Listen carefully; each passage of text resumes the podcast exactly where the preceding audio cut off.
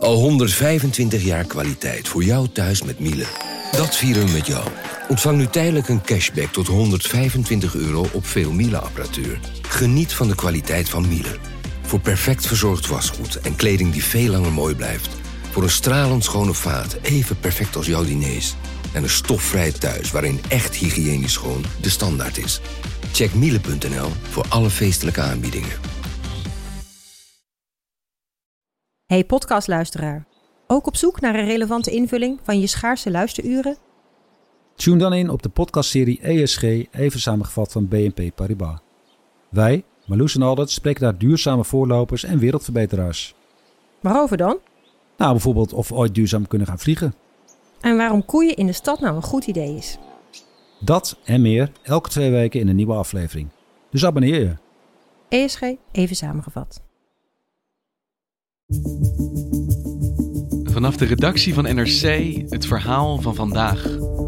Mijn naam is Thomas Ruip.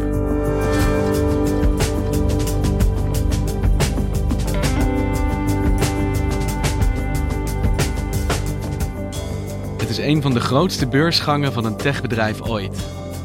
Uber gaat vandaag naar de beurs. De verwachte waarde 90 miljard dollar. De beursgang plaatst Uber in het rijtje van reuzen als Google, Facebook en Amazon. Het techbedrijf is nooit vrij geweest van controverse. En de ambities van Uber reiken veel verder dan alleen de taxiwereld.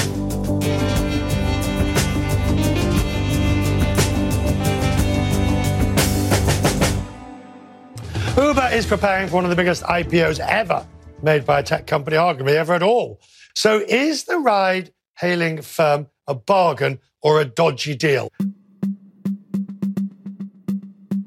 Uber gaat naar de beurs en het is al wel duidelijk dat het een van de allergrootste techbeursgangen ooit gaat worden. Echt in de categorie van Facebook en Google. Uber is said to plan its IPO price range of between 44 to 50 dollars a share, which could value the ride-hailing company at up to 90 billion dollars. En het is wat dat betreft ook uh, een bedrijf dat daar misschien wel een beetje vergelijkbaar is. Het wil echt een deel van je online leven beheersen. Het wil je auto vervangen door een app. Het wil al het stedelijk vervoer digitaliseren. Uh, dus dit is uh, zeker in de techwereld echt, echt een grote gebeurtenis.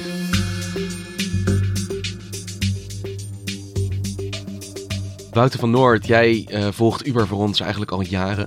Kan je mij vertellen, waarom gaat Uber nu pas naar de beurs? Ja, om een beetje te begrijpen waarom ze er zo lang over hebben gedaan, moeten we ook een beetje terug naar het moment van die oprichting. Uh, dat was in 2009. Uh, de oprichters, Travis Kalanick en zijn vriend, die waren in Parijs op een conferentie. Probeerden daar het allemacht en taxi te vinden. Nou ja, en je weet een beetje hoe dat eraan toe ging voordat Uber er was. Dat was uh, nogal een uitdaging met taxichauffeurs die je probeerde op te lichten als je er al eentje te pakken kreeg. Afrekenen, fooien, enorm gedoe. Ja, want je kent het uit de films. Je steekt je arm op en je fluit en je hebt een taxi voor je. Maar in het echt werkte dat nooit zo natuurlijk. Nee, een taxi nemen was uh, eigenlijk voor Uber best wel een gok met je humeur zou je kunnen zeggen. Uh, en die Travis Kalanick en zijn vriend die zagen dat en die bedachten zich... hé, hey, we kunnen dit eigenlijk ook gewoon in een appje doen. Alleen de timing was natuurlijk wel interessant. Hè? 2009 is het dieptepunt van de economische crisis. De hele economie lag op zijn gat. Nergens waren nog rendementen te behalen. Behalve bij een aantal kleine start-upjes in Silicon Valley die hele grote beloftes deden. En Uber was er daar eentje van. Waardoor Uber in het begin al tientallen miljarden aan uh, investeringen wist op te halen. En waarom was het zo makkelijk voor hen om dat kapitaal uh, te krijgen? Ze begonnen op een moment dat er nergens rendement te halen was en waarop er wel heel veel geld werd gecreëerd door centrale banken. Weet je nog dat uh, in op het dieptepunt van de crisis uh, moest er allerlei extra geld komen om banken te redden en uh, dat kapitaal moest op een gegeven moment ergens naartoe. en wat is dan een aantrekkelijke plek daarvoor? Dat zijn snel groeiende bedrijven. En daarom hebben ze er zo lang over gedaan om naar de beurs te gaan. Want waarom gaan bedrijven normaal gesproken naar de beurs? Om groeikapitaal op te halen. Om groter te kunnen worden. Om groter te kunnen worden. En dat hadden ze helemaal niet nodig. Ze hadden die tientallen miljarden van allerlei investeerders en banken al, uh, al op, de, uh, op de bank staan. Want was Uber meteen een succes? Want je beschrijft die oprichter die uh, Parijs in een taxi probeert aan te houden. Dat je een prachtig romantisch verhaal. Maar vervolgens moet ja, het bedrijf ook van de grond komen. Ja, en ze, ze raakten daarmee natuurlijk wel een snaar. We, bijna iedereen had een, een hekel aan de ervaring die een taxi bestellen met zich meebracht. Dus ze sloegen enorm aan. Ze breiden meteen met vooral dat durfkapitaal uit naar uh, tientallen, honderden steden in de wereld. Waardoor ze echt de, de grootste uh, taxi-app van de wereld werden. En daardoor konden ze ook allerlei grote plannen maken. the kind of entrepreneur I am is one that gets really excited about solving hard problems. It's kind of like a math professor. And so at Uber, we like the hard problems and we like getting excited about those and solving them. But we don't just want any math problem, we want the hardest ones that we can possibly find. And we want the one that if you solve it, there's a little bit of a wow factor. Uber was echt het schoolvoorbeeld van de unicorn. Hè? De, de heel snel groeiende start-up uit Silicon Valley. De eenhoorn. Uh, de eenhoorn, het mythische wezen. Uh, dat werd op een gegeven moment een beetje een term die werd gebruikt voor bedrijven die al heel snel op 1 miljard dollar uh, waardering zaten. Nou, Uber zat daar al heel snel al ver boven. En de cultuur van het bedrijf was ook echt zo'n snel groeiende move fast and break things-achtig bedrijf. Uh, het werd geleid door Travis Kalanick, de oprichter. Nou, dat is echt een, uh, een alpha male, hele snelle jongen. Wordt in, in Silicon Valley ook wel echt gezien als een genie. maar ook wel als iemand met behoorlijk wat scherpe randjes. Hij creëerde bij Uber een beetje een, een koorbalachtige sfeer, waarbij uh, hij op een gegeven moment Beyoncé inhuurde voor een bedrijfsfeestje voor 6 miljoen.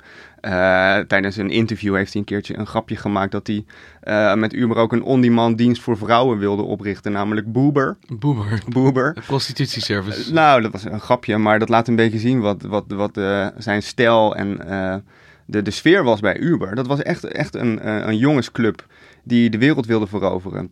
En het daarbij ook niet zo heel erg vond om buiten de lijntjes te kleuren. En dat gebeurde natuurlijk ook al redelijk snel met Uber. Uh, die begonnen allerlei diensten aan te bieden die toch niet helemaal bleken te passen in bestaande taxiwetten bijvoorbeeld. Nee, en ze trokken zich er eigenlijk weinig van aan.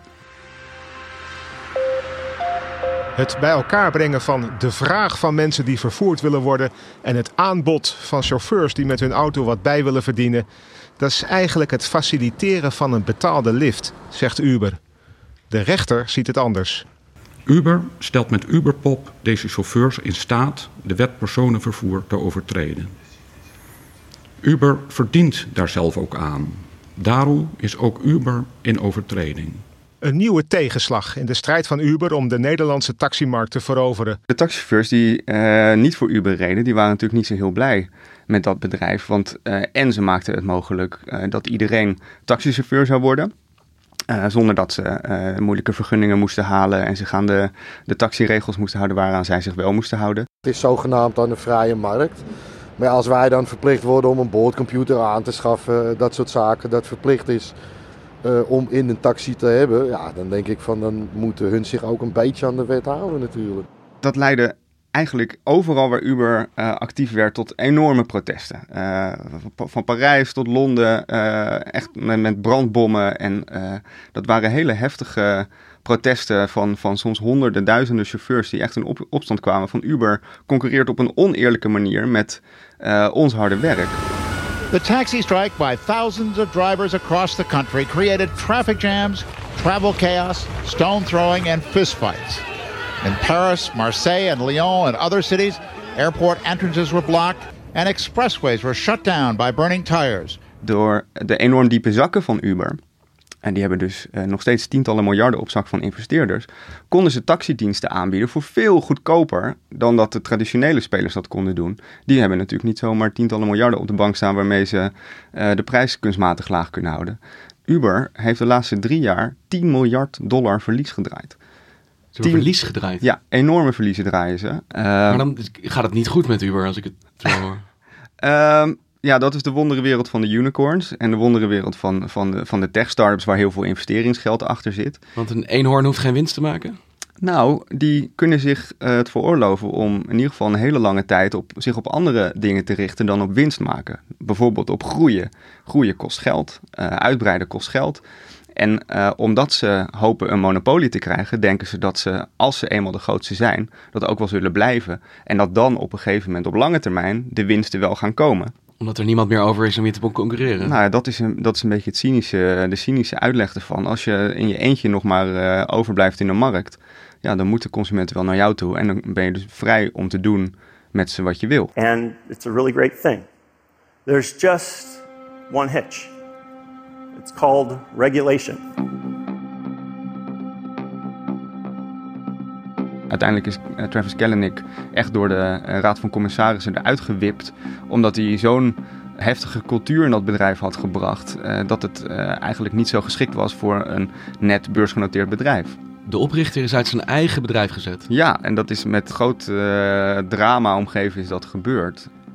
Uber was al een tijdje, ze kwamen al de hele tijd in botsing met eh, overheden en eh, creëerden allerlei problemen in steden waar ze actief waren. Dus het was al een bedrijf wat best wel controversieel aan het worden was. En de bedrijfscultuur van Uber was dus heel erg mannelijk, heel erg stoer, heel erg gericht op groei. Nou ja, dat was het moment dat de, de MeToo-beweging opkwam en Uber reageerde eigenlijk heel laks op klachten eh, rondom seksuele intimidatie bij het bedrijf zelf. Een van de druppels was dat Travis Kalanick was eh, gez- gezien toen hij ruzie aan het maken was met een Uber-chauffeur. Hij- hij was met een groep vrienden ingestapt eh, in een Uber. Hij stapte zelf in een Uber. Hij stapte zelf in een Uber. Eh, op een gegeven moment herkent die chauffeur hem en spreekt hem aan van joh, het is allemaal leuk en aardig Uber, maar ik, ik, ik merk nu dat de, de prijzen voor eh, taxichauffeurs omlaag gaan en ik heb moeite om nog rond te komen. I, I lost $97,000 co- because of you. I bankrupt because of you. Yes, yes, yes. You keep changing every day. Eh, ik ben eigenlijk niet zo blij met hoe je dit bedrijf runt, want je maakt het heel goed voor de eh, klanten, maar eigenlijk heel slecht voor de, voor de chauffeurs. You keep Hold on a second. What have I changed about black? Huh? What you have I changed changed? the whole business. What? What? You dropped the prices. On on black. Yes, you did. Bullshit. We started with $20. Bullshit. We started with $20. Waarop eh, Travis Kalanick heel boos werd en zegt: sommige mensen die geven altijd andere mensen de schuld van eh, problemen in hun leven en misschien moet je eens een keertje verantwoordelijkheid nemen voor je eigen problemen. Hij ging helemaal uit zijn pan. How much is the mile now? 275? You know what? What? Some people don't like to take responsibility for I their shit. responsibility. They blame everything But in their you life on sending an somebody email else. for town card? Good luck. Good luck to you too, but I know you don't gonna go far. Alleen dat stond op de camera. En die chauffeur heeft dat natuurlijk keurig gelekt naar de pers. Now, with that new scandal for Uber, its CEO caught on camera arguing with one of its drivers. ABC's Rebecca Jarvis is here with the story, and I think this is a little surprising to all of us to see this. It is surprising, Michael. A lot of people talking about this. this En dat heeft uiteindelijk geleid tot een grote ruzie in, in Uber, waar, waarna hij er echt is uitgeknikkerd. En die ruzie is zelfs zo hoog opgelopen dat eh, straks als de openingbel op Wall Street klinkt, dat Travis Kalanick daar niet bij mag zijn. Dus hij mag niet bij de beursgang van het door hem opgerichte bedrijf zijn. Dat het eigenlijk het ultieme succesmoment is van een idee wat bij hem ontstond in Ja, Parijs. Toen hij op zoek was naar dit, een taxi. Dit is waar je een bedrijf voor opricht om op die gong op eh, Wall Street te slaan. Eh, en dat mag hij niet doen. Die oprichter die stapt dus in een Uber bij zijn eigen chauffeur en die krijgt allerlei kritiek over zich heen. Namelijk, eigenlijk zorgt Uber niet goed genoeg voor ons. En dat is eigenlijk iets wat je ook wel vaker hoort, toch? Dat Ja, chauffeurs eh, bij Uber misschien het helemaal niet zo goed voor elkaar hebben. Nou, kijk, het interessante daarvan is dat als je in een Uber stapt en je eh, knoopt een praatje aan met chauffeurs, is dat veel chauffeurs zijn eigenlijk best wel blij met de flexibiliteit die ze hebben. Ze kunnen op elk moment de app aanzetten en gaan rijden. Maar als je het grotere plaatje bekijkt, zorgen ze natuurlijk voor een bepaalde flexibilisering van werk, waardoor de grens tussen eh, ZZP'er en, en eh, eh, werknemer in dienstverband een beetje begint te vervagen. En ze hebben ineens een app als baas. Ik bedoel, ze, ze praten niet meer met een mens, maar ze hebben te maken met een app die ze instructies geeft van je volgende klant wordt top en blijf nog even doorrijden. En dat model wordt nu gekopieerd door allerlei concurrenten, waardoor Uber misschien wel meer zegt over, over de toekomst van werk dan, dan ons lief is. Uber and Lyft drivers across the country are shutting off their ride sharing apps today. They are participating in a strike in at least 10 cities to protest low wages and lack of access to full time employment benefits. The strike coincides with Uber's IPO filing today. The company is expected to be valued at over $80 billion when it goes public. I want passengers to know that we're not being fairly compensated for the service that we're providing them.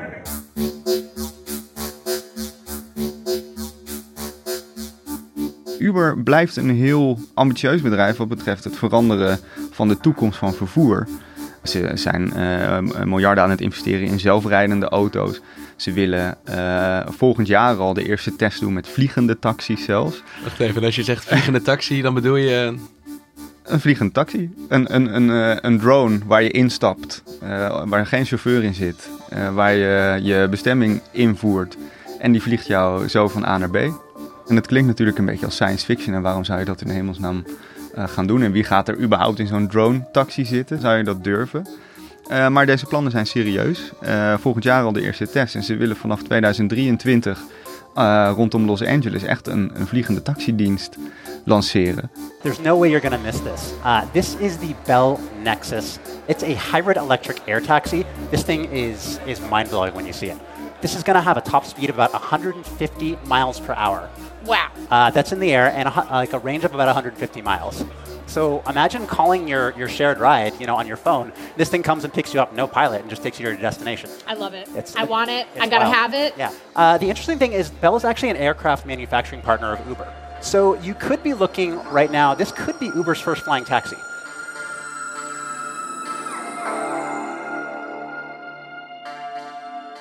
Wat Uber heel lang heeft beloofd, is dat ze vervoer efficiënter zouden maken. Waardoor het rustiger zou worden op de weg. Terwijl als je kijkt naar San Francisco, dat is de thuisstad eh, van het bedrijf. En ook eh, de stad waar Uber al het vaakst wordt gebruikt. Daar zie je juist dat er eh, veel meer verkeer op de weg komt. Dat het drukker wordt. De, de, de, de spits daar is 50% drukker geworden. 50% drukker geworden Ja, vanwege deze mensen, mensen staan langer, eh 50% langer in de file in San Francisco vanwege eh, Uber en Lyft. Dat is een concurrent eh, eh, voor Uber daar zo. En dat komt met name omdat Uber in die steden concurreert met het OV.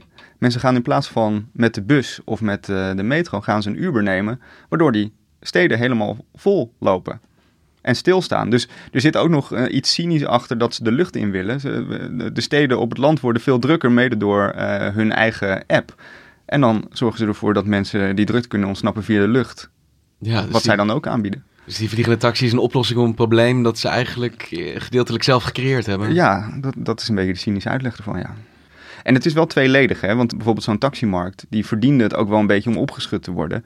En klanten zijn er blij mee. Dus ze brengen ook wel iets waar behoefte aan is. Ze zijn innovatief. Ze hebben eh, ook wat betreft technologie plannen, nou ja, waar best wel wat voor te zeggen is. Alleen het grote plaatje is dat ze eh, straks misschien wel in hun eentje die hele markt domineren. En dat is eigenlijk nooit een goed idee.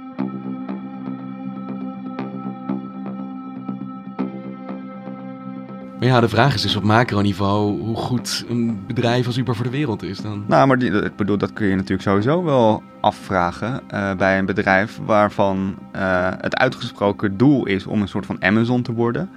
Natuurlijk een mega succesvol bedrijf waar, wat ook heel innovatief is en wat heel goed is voor klanten. Maar wat wel een monopolie is. En monopolies zijn op lange termijn zelden goed voor eh, vernieuwing. Die monopolisten worden vaak een beetje lui. Die, die hoeven niet meer zo snel te vernieuwen. Die hoeven ook niet zo heel veel aandacht te besteden aan de prijs voor klanten. Eh, houden concurrentie tegen. En dat zie je nu ook al gebeuren bij Uber. Een soort dystopische bedrijfsvisie. Er is straks niks meer over eh, dan Uber als je vervoer eh, wilt. Nou ja, dat, kijk, dat, dat is wat er in die e- internet-economie overal aan het gebeuren is. Er is geen alternatief echt voor Facebook, voor, voor sociale media. Er is amper een alternatief voor, voor zoeken, voor Google als je iets wil zoeken op internet. En Uber wil dus ook in dat rijtje komen van grote internetmonopolisten die echt een deel van je leven beheersen. Dankjewel, Wouter. Je luisterde naar vandaag, een podcast van NRC. Eén verhaal, elke dag.